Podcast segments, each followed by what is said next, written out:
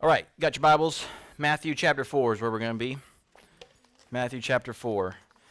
Um, today we're talking about what it means to follow Christ. Matthew chapter 4, and we're going to be in verse. We're going to be in verse 19 and 20 for our sermon. I'm going to read 18 to 20, okay? So if you have your Bible, Matthew is the first book of your New Testament, chapter 4. It is on the screen. We'll put the verses on the screen.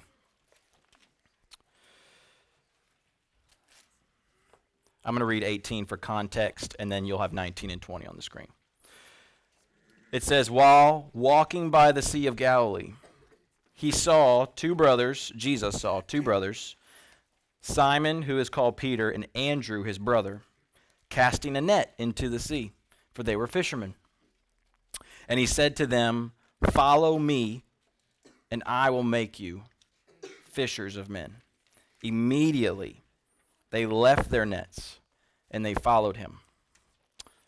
Why don't we pray together before we continue? Let's pray. Father, thank you for your word. We pray that you would use it to transform us into your image and that you would use it to teach us that we may know how to follow you and what it means to really follow you. We pray that you would use your word to, to do just that in our life. In Jesus' name we pray. Amen. Uh, the church in America has reduced what it means to follow Jesus. And it, this is going to make this is going to be uncomfortable for about 3 minutes, okay? Here's what I mean and just embrace it. The church has reduced following Jesus down to an easy, one time decision where all you have to do is say a prayer. And we, call, we, we use terms like invite Jesus into our heart, accept Christ into our life.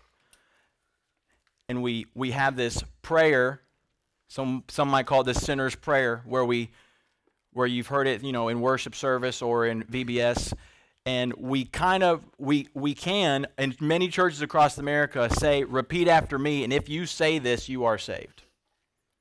You just have to spit off the words as if it's some sort of mantra and you're in. Like it's a country club. You did the requirement, now you're in. And a lot of people, this is what they think it means to follow Jesus. They think that if they've done their one time commitment, their one time decision where they said the prayer, they walked the aisle, or they, they signed a response card, that that's, that's what it means to follow Jesus when there's no heart transformation. Their life looks nothing like Jesus. They have no desire to follow him. But yet they're banking on the fact that they said this prayer when they were eight, or at VBS, or in a small group or something like that. And I'm not saying that a prayer can't be part of your salvation experience, okay? We respond to the gospel through repentance and faith. Biblically, our response is repenting of sin and believing in the gospel. And we need to keep it simple like that because that's what the Bible does. And your salvation experience may involve a prayer, but do not think that the prayer has saved you. Everybody hear me on that? Look at what David Platt says. This is a, a book that I would recommend to you called Follow Me by Pastor David Platt. Super easy to read. Um, and it's a life changer. Okay? You should read everything David Platt writes. He writes nothing bad, everything is incredible. And uh, this explains what it really means to follow Jesus. He says this in his book talking about this idea of just praying a prayer for salvation. Should it alarm us that the Bible never mentions such a prayer? Should it concern us that nowhere in Scripture is anyone ever told to ask Jesus into their heart or invite Christ into their life? We've replaced the challenging words of Christ with trite phrases in the church. It continues We've taken the lifeblood out of Christianity and put Kool Aid in its place so that it tastes better to the crowds. and the consequences are catastrophic. Scores of people around the world culturally think they are Christians when biblically they are not. That's pretty serious. And we have to be so careful. And you in this room, it's a loving grace that you're hearing it. You need to be careful that if your life looks nothing like Jesus, you don't even have a desire. You got no heart transformation. You've not repented of your sin. You're still walking in a lifestyle of sin with no desire. And all you're doing is banking on the fact that you said some words, you mouthed some words when you were a kid. That is not salvation and eternity is at stake. And you need to be careful that you're basing your life on something that you did. You're basing your life on a work. And we're not saved by works, are we? We're saved by grace through faith.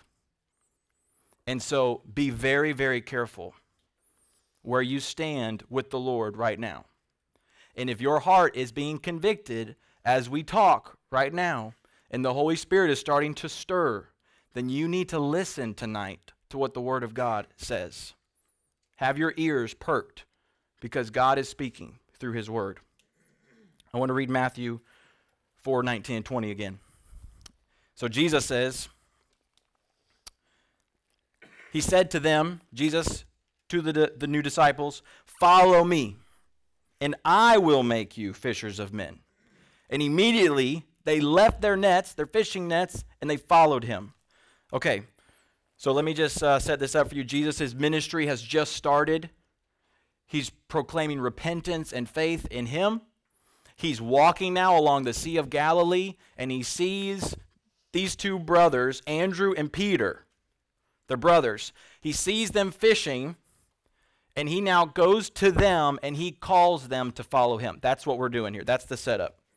All right, he calls them. So this this uh, message is uh, a lot about fishing, so this should excite like John Edwards right there. He loves fishing. Uh, I was talking to Preston.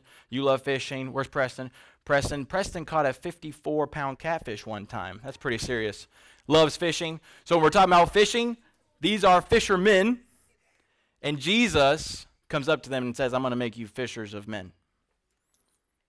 Okay, so here's, here's where we stand. So we need to look at three things. We need to look at the call of King Jesus, we need to look at who he calls or what it means to follow Jesus, what he does in our life to transform us, and then we need to look at what our response should be. So let's first start with point number one, and that's King Jesus calls us to follow him. So now I use the phrase King Jesus intentionally because first we need to think about the me in follow me. Who is calling us to follow him? It's the King. Our series called All Authority. So, the one who is in all authority in heaven and on earth, the Lord of lords, the King of kings, the one who was a sinless man, fully God, fully man. He is the one who says, Follow me. He's the one who determines if we breathe again. He's the one that can talk to wind and waves and they will obey him. He's the one who casts out demons. He's the one who raises Lazarus from the dead. He is the one who says, Follow me. This isn't like some average rabbi going up to these men saying, Follow me. This is the King of Kings, the King of the universe, sovereign over everything, going up to them saying, Follow me. In fact, they weren't just blinded by who this person was. So in Luke, Luke gives a fuller account of what just happened in Luke chapter 5. And Jesus uh, goes up to the disciples. They had been fishing all day. And he goes up to them. They've been fishing all day, and he says to them, Hey, uh, you need to throw, just throw your nets one more time. Throw your nets, but throw them on the other side of the boat. Now, think about this. These are professional fishermen. They've been fishing all day, and someone else comes up and tells them how to do their job. Have you ever had someone, something you think you're really good at, then someone comes and tells you how to do it? That bothers you, doesn't it? Yeah, pride, right? So it bothers us. And Jesus goes up to them and says, Hey, Peter, I know you're like professional on that, but you need to throw your net on the other side. See what happens. And Peter's response is sarcasm in the Bible. He says, We've been fishing all day, but if you wish, or at your word, we'll do it. what he's saying is, in Galilean, if you say so, watch this. Not going to catch anything. He throws the nets over, and it says that there were so many fish that get in that net that it starts to sink their boat and it starts to rip their nets, their strong fishing nets. And they are so blown away by what they just saw. Because there was no way that would have happened without Jesus, who is sovereign over the fish in the sea, causing that to happen. And Peter is terrified. And he falls down at Jesus' feet and he worships him. He actually says, Get away from me. Because he knows his wickedness, he knows his sin, and he falls down at his feet and he worships Jesus, and Jesus says, Follow me. And so they come in direct contact with the King of Kings. They have an experience they'll never forget, and they don't walk away unchanged. When you experience Jesus for real in the gospel, you don't walk away unchanged because you have an encounter with the King who calls you. Now we need to look at the who does he call? Okay, so let's focus on these disciples, Peter and Andrew, for a minute. So they're professional fishermen. They're from Galilee, which means that they're poor. They live in a rural society. They're uneducated, most likely. And they're fishermen. So they're brash. They cuss. They have foul mouths. They're not uh, the friendliest people in the world. These are the people that Jesus goes to to spread the gospel all over the world. He goes to them. He didn't go to the religious people. He didn't go to the people that had all their Awana verses memorized. He went to Peter and Andrew, who are two brothers. All they know is how to fish. This is their livelihood and their job. And so it just it it makes us consider the fact that Jesus does not call us because there's anything notable in us that would warrant him to come ask us to follow him. There was nothing about these fishermen that elicited Jesus' pursuit of them. He does it in spite of their sin. The Bible says in Romans 5 8, God demonstrates his love for us in that while we were still sinners, Christ dies for you. He dies for you at your worst. And he goes to them. They do not go to him, he goes to them. This is the incredible grace of the gospel that they don't clean themselves up to come to Jesus, to follow him. Right in the middle of their sin and right in the middle of their life, he comes to them and says, Follow me. I will make you a fisher of men. So think about that. This is good news for you. It means you don't have to clean your life up to come to Jesus. That's good news.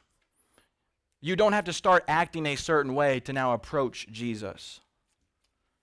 And you don't have to start reading your Bible more, remove the sin in your life before you feel like Jesus can love you.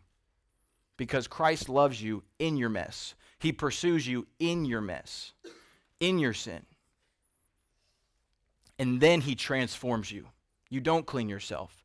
You come to Jesus as you are, and then he transforms you from the inside out. That's what he's done to these fishermen. And we're reminded of this because in, later in, in uh, John 15, 16, Jesus says to the disciples, He says, You didn't choose me, I chose you. It's the grace of Jesus that He would come and choose you even when you're still a sinner. That's incredible. Incredible. And now what is Jesus calling them to do when he says follow them? So he says you he says to them follow me. What does that entail? It entails at least 3 things. It means that it's a call to worship Jesus, not merely follow him like you would follow a person with a begrudging heart. You follow him because he is worth following. Jesus is worth following. He is truly better than everything else in the world. He is better than your plans, He is better than your sin. You follow Him because He's worth it. We don't just follow Jesus with a begrudging heart, kicking and screaming. He's the king. If a king asks you to follow him, you don't have to do it kicking and screaming. He's worth following. And Jesus is a good king. He's a loving king, a compassionate king, a merciful king. And he loves you and does everything for your good and for your joy. He's worth following. That's why Philippians 3 8 says, I count everything as loss compared to the surpassing worth of knowing Christ Jesus, my Lord. That's just a simple way of saying there is nothing that compares to following Jesus. He is better than everything in the world. So it's a call to worship Jesus. Secondly, it's a call to become like Jesus. It's a call to become like Jesus. So when we follow Jesus, uh, 2 Corinthians 3.18 says, as we behold Jesus, we are being transformed into his image, not physical image. We're being transformed into his character, his likeness. We're becoming more holy, more compassionate, more loving, kind, gentle, gracious. We're being conformed into his image from one degree of glory to another. This is what happens when you follow Jesus and you worship Jesus is that he begins to make you like him. And in John 15 verse 5 Jesus says, "If you abide in me, means walk with me. If you walk with me every day and I in you, you will bear much fruit. Fruit that looks like Jesus. The same fruit, the same character, the same evidence that Jesus bears you will bear much fruit. And he says, Apart from me, you can do nothing. So we begin to look like Jesus as we follow him. Worship Jesus, become like Jesus. And then, thirdly, and the hardest one, it's a call to come and die. You say, Whoa. It's a call to come and die. And what I mean is this Matthew 16, 24 and 25 says this. Let's go to Matthew 16 here. Matthew 16, 24 and 25 says this Then Jesus told his disciples, If anyone would come after me, would follow me, let him deny himself, take up his cross, and follow me. What this means is we deny ourselves. We die to our selfish desires, selfish dreams, selfish pursuits, and our sin. We deny them to follow Jesus. And it says, Deny yourself, take up your cross, and follow me. Taking up our cross was a instrument of suffering. This is saying we embrace Jesus to the end, no matter what it costs us, even if it costs us our very life. We follow Jesus to the end. And look at verse 25 in this. It says, For whoever would save his life will lose it. But whoever loses his life for my sake will find it. It's a call to come and die on this earth. Die to ourselves, die to our sin, die to our goals, our pursuits, and embrace Jesus and embrace His authority in our lives and follow Him wherever He takes you. And follow Him to the end. Because ultimately, ultimately in eternity, it's not death, it's life.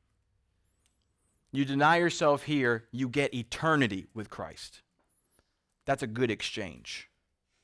It's a good exchange. We die daily to our selfish life. The Christian life is not an easier life, it is a life of suffering. It is not a comfortable life. You're not called to rest and leisure and Netflix and Fortnite all the time. That's not what you're called to. That's not the Christian life. The call to the the call of the Christian life is not a call to keep your faith private and to not share it so that you don't suffer or get uncomfortable or create awkward conversations with your friends. That is not the call of Christ. The call of Christ is to follow him, to live like him. And as you do that in a dark world, you can expect suffering. You don't go looking for suffering as if it was some badge to make yourself suffer. That's not what the Bible calls you to. It's just as you live for Christ in a dark world, inevitably suffering will follow you. You will not have to pursue it. 2 Timothy 3:12 All who desire to live a godly life in Christ Jesus will be persecuted. It's a promise. And are you willing to follow Jesus no matter what it costs you? Because it will cost you and it is risky. But be encouraged because Christ is with you. And Christ is worth it. And Christ will reward you in the end if you follow him faithfully. Second Corinthians talks about this reward if we follow Jesus faithfully. Second Corinthians 4. I have it here. It's on your screen. I'm going to read out of my Bible. Second Corinthians 4:17. Look at this.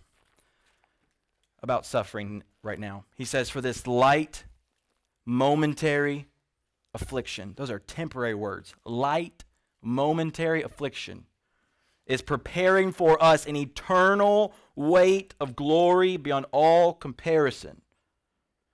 As we look not to the things that are seen on earth, but to the things that are unseen in heaven. For the things that are seen are transient or temporary, but the things that are unseen are eternal. You get an eternal weight of glory, and I get it. You don't know how to think about that. I get it. You don't know how to comprehend that. It's not in front of your face. And so it's really hard to live for that, isn't it? It's really hard to live for eternity when you can't see it. But do you believe your king who promises that it will be waiting for you as you follow him? And this light momentary affliction is worth it because it's doing something. It's preparing more and more glory that we can't see. But when you arrive in eternity, when that day comes, and it will come, when you get there, it will all be completely 100% worth it. Are you going to follow Jesus to the end? We love Jesus, so we follow Jesus, and he's worth our entire life. Are you willing to go where Jesus goes? To go to the people he tells you to go to? To do what he has called you to do? To live for Jesus no matter what it costs you? This is the call. Some of us in the room right now are wasting our life on things that don't matter. Some of you have plans to grow up and do a job or live in such a way for things that won't matter, for transient, temporary things. And it's risky to follow Jesus because you don't know what it will look like if you do. You don't know where he will take you, the experiences you'll have, the suffering you'll have. It's risky but it's worth it. Nothing can separate you from the love of Jesus. John Piper, in this book, Don't Waste Your Life, you should read this too. Game changer, life changer. Okay? In this book, Piper talks about this exact thing. He says this, read along on the screen. He's talking about risking, taking a risk to live and follow Jesus. Listen to what he says. He says, It is right to risk for the cause of Christ it is right to engage the enemy and say, May the Lord do what seems good to him with me, whatever he wants. It is right to stand before the fiery furnace of affliction and refuse to bow down to the gods of this world. This is the road that leads to the fullest, fullness of joy and pleasures forevermore in eternity. At the end of every other road, the secure and risk free road, we will put our hands, we will put our face in our hands and say, I've wasted it. I've wasted it. So for the listen to me, look at me. For the sake of Christ, do not waste your life on things that don't matter. When you get to be 20 years old, 25, remember this that Jesus is telling you in his word do not waste your life on things that don't matter. You're going to be tempted to waste your life and your time and your energy in high school, in middle school, and in college, and into adulthood on things that don't matter. And you live this life for eternity. Live for what matters. Live for Jesus. It is worth it. Point number two Jesus, King Jesus, transforms his followers. So in our, our verse in Matthew, he transforms his followers. Look what he says. He says, Follow me. And then he says, And I will make you, I will make you fishers of men. He did not say, uh, Follow me and then go be fishers of men. He did not say that, did he? Follow me and I will make you fishers of men. So Jesus gives them a purpose, be a fisher of men, and a promise that he's going to do it. The purpose is to be a fisher of men. This is make disciples. It is the goal of every Christian. It is to go win people for Jesus. It is to go tell them the gospel of Jesus. That Jesus lived a sinless life. The Son of God lived a sinless life, died in their place to take away their sin, and he rose again, conquering death, giving them eternal life. And their response is to repent of their sin and believe the gospel. That's your mission. And you're supposed to tell that to people. That's what it means to be a fisher of men, to catch people. Jesus used a fishing illustration on purpose because he's talking to fishermen. They got it, they understood what he meant. And Jesus is calling us to do this. This is the goal. And, and he says, I will make you. So now we have a promise. We have the purpose, and now we have the promise. I will make you. So in Acts 1 8, he says he's going to send his Holy Spirit upon you to empower you for the mission. He is going to transform you. When he says, I will make, anytime, this is a tip for reading your Bible, anytime you see the words, I will, and God is talking, or Jesus is talking, you need to circle it because all the I wills in Scripture are promises for you. And God can't lie to you. He cannot lie to you. That means that if he gives you a promise, you need to throw yourself on that promise. And you need to bank your life on it. Because he will keep it. And according to his nature, he has to keep it. Test God's promises and see what he does. See what happens when you test God's promises when they're understood in their proper context. Because you can rip some promises right out of the Bible, not read what they mean, and use them as you wish. That's not what I'm talking about. Properly understood, the promises of Scripture are for you to bank your life on. And you need to take God at His word. And so when He says, I will make you a fisher of men, He's going to do it. And how does He do it? Okay, so um, my father in law, he is Renee's dad. Awesome fisherman. Really good at fishing. And uh, whenever I go to their house, I'll go fishing with him, and I never fish. Like, never fish. And I'm terrible at fishing. And he will let me use his equipment, his reels and stuff, and he'll put the bait on there for me because I don't know how to do it. And he puts it on there for me, and he'll let me fish, and I don't catch anything. And one time, even, he was on the dock and he's looking the other way, and I was casting. There was a tree hanging over the lake, and I cast it, and I wrapped my lure around the tree, and I was like, oh my gosh. And he's like, I'm making sure like he's not looking and I'm trying to yank this thing out of there and I'm pulling and pulling and pulling. Eventually it just rips and the lure just falls down to the water and I lost it. And then he never saw, he never saw when that happened. And I was like, oh my gosh. Anyways, I felt so convicted. I told him afterwards and he was cool with it. It was very embarrassing. The whole thing was terrible. And anyways, I'm terrible at fishing is the bottom line. And if I only go fishing with him once or twice, maybe twice a year, that is not enough for me to learn how to be a good fisherman. I, I, don't, I will never be good if I practice once a year with him. I would need to hang out with him while he fishes every day. It takes time, it takes repetition, it takes practice. It takes watching how he casts and watching how he uses the bait and watching how he uh, you know, reels them in and how he cleans the fish off and how he knows where to go on the lake where all the fish fellowship and hang out so he can catch one. He knows all the tricks. He knows where they are. He knows the different seasons that are good and not good.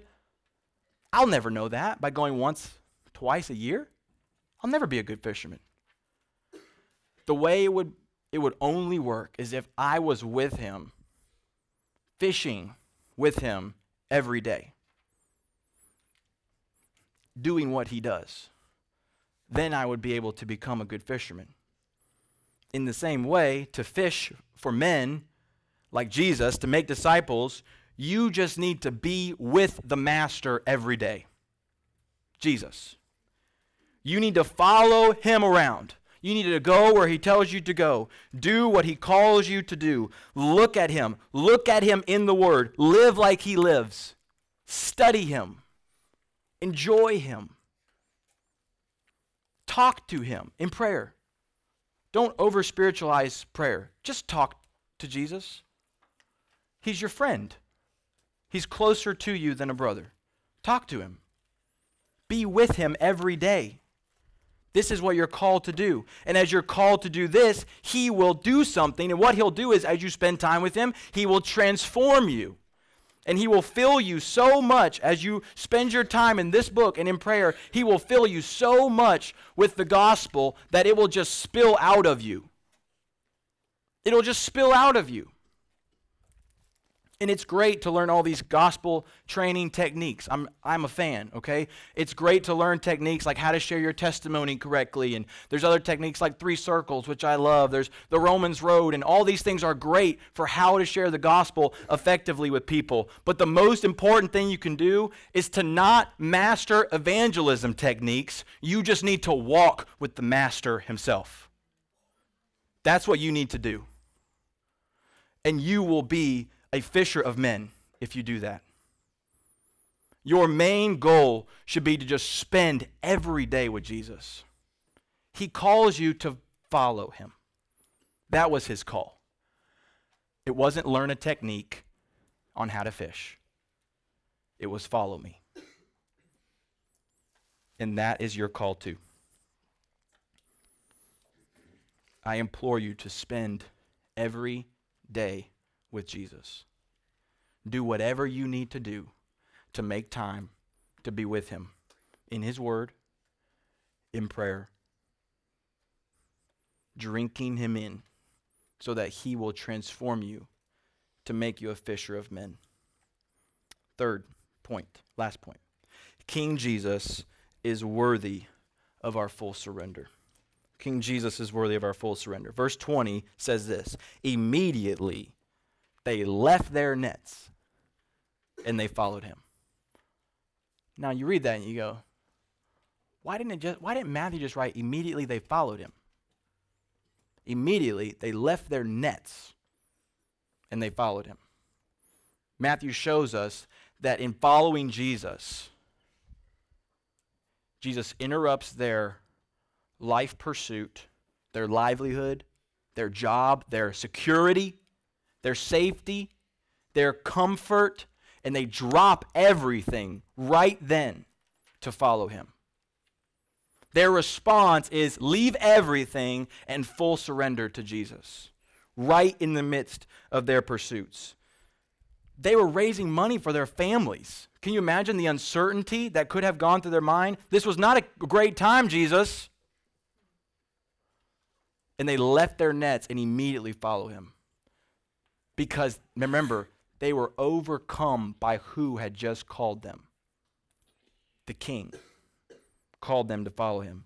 And they leave it all because Jesus was better than everything they had. He was superior. His mission was worth living for over their own comfort. And they counted the cost. This was not an emotional high decision. And we run the risk at D Now and at retreats of making emotional high decisions to follow Jesus. And I get weary of that, even doing the event. I, I'm sure, I'm positive, genuine responses happen at D Now, but there are a lot of ungenuine responses that are made on emotional highs. And this was not an emotional high. They counted the cost. They knew that it might cost their very life, and they still follow Jesus because he's the king and he's worth it. And they knew that. In Luke 14 33, on the screen, Jesus says this. He says, Therefore, any one of you who does not renounce, that's surrender, leave. Anyone who does not renounce all that he has cannot be my disciple. The only response is all in, not half hearted, not 50%. You don't add Jesus to the other stuff you have. It's all in, full surrender is the only response that is required of us when we follow Jesus. Jesus does not wait till Peter is in a better position in life. He did not wait till the business was doing, uh, doing well and was secure and stable.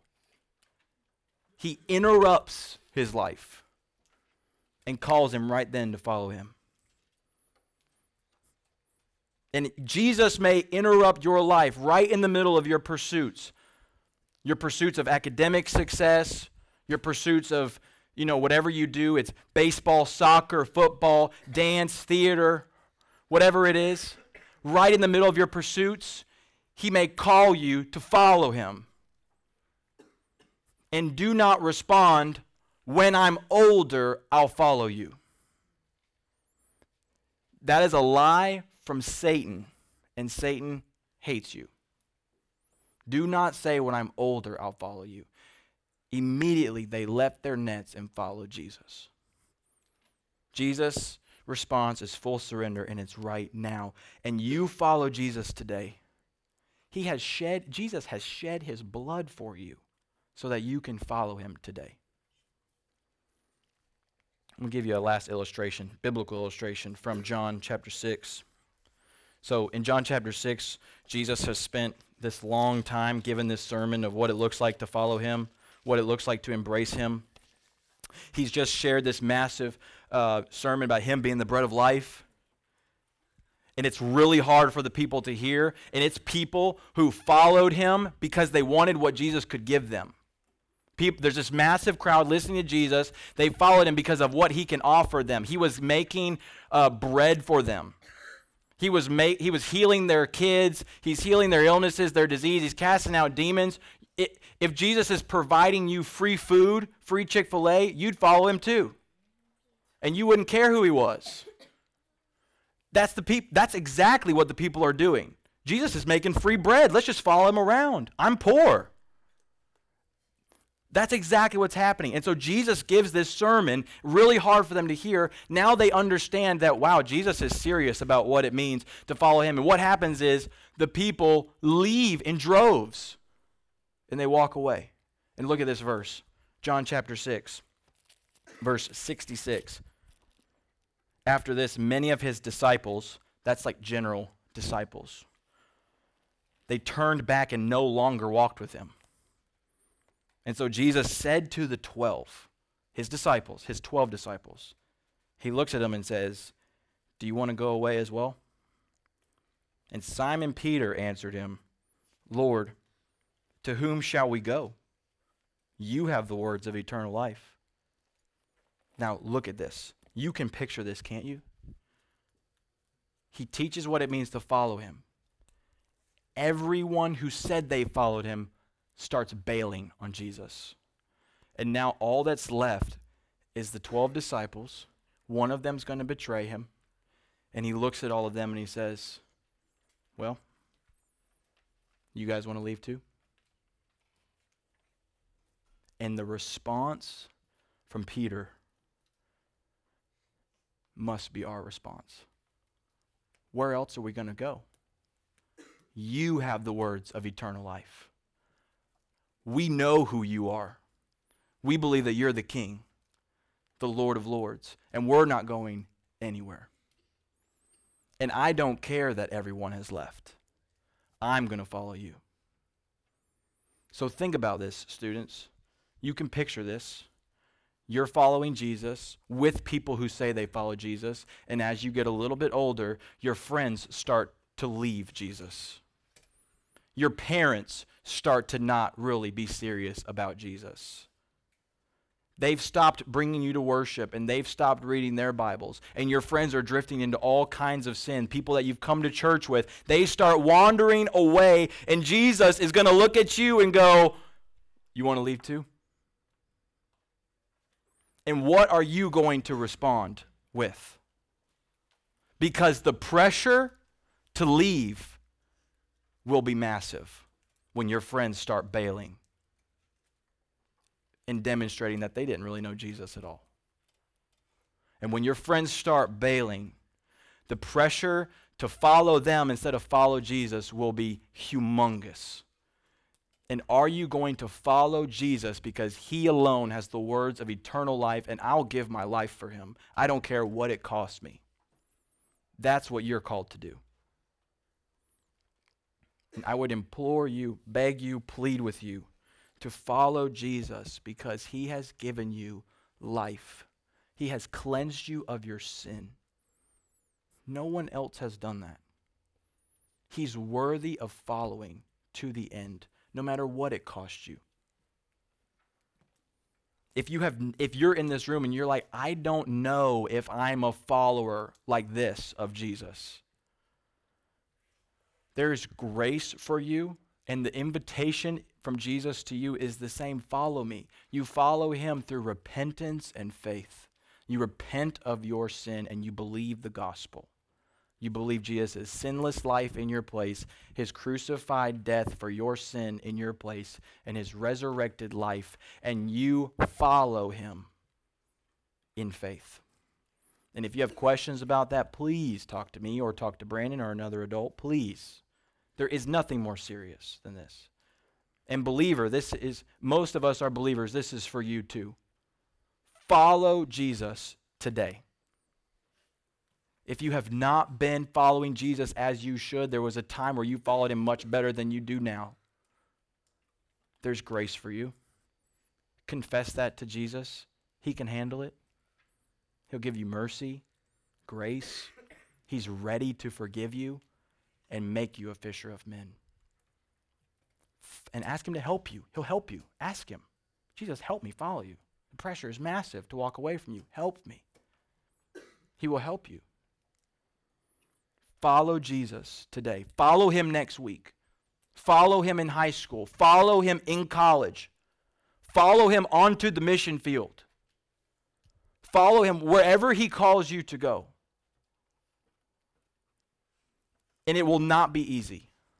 But we don't follow Jesus because it's easy. We follow Jesus because he's worth it. Let's pray.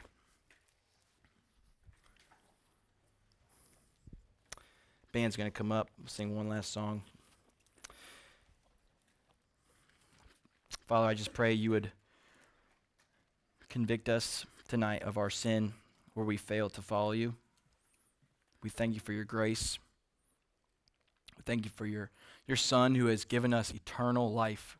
May we follow him wherever he calls us to go. He has full authority over every single one of our lives. May we submit to his authority and follow Jesus. He is worth following. You are worth following. We love you. In Jesus' name we pray. Amen.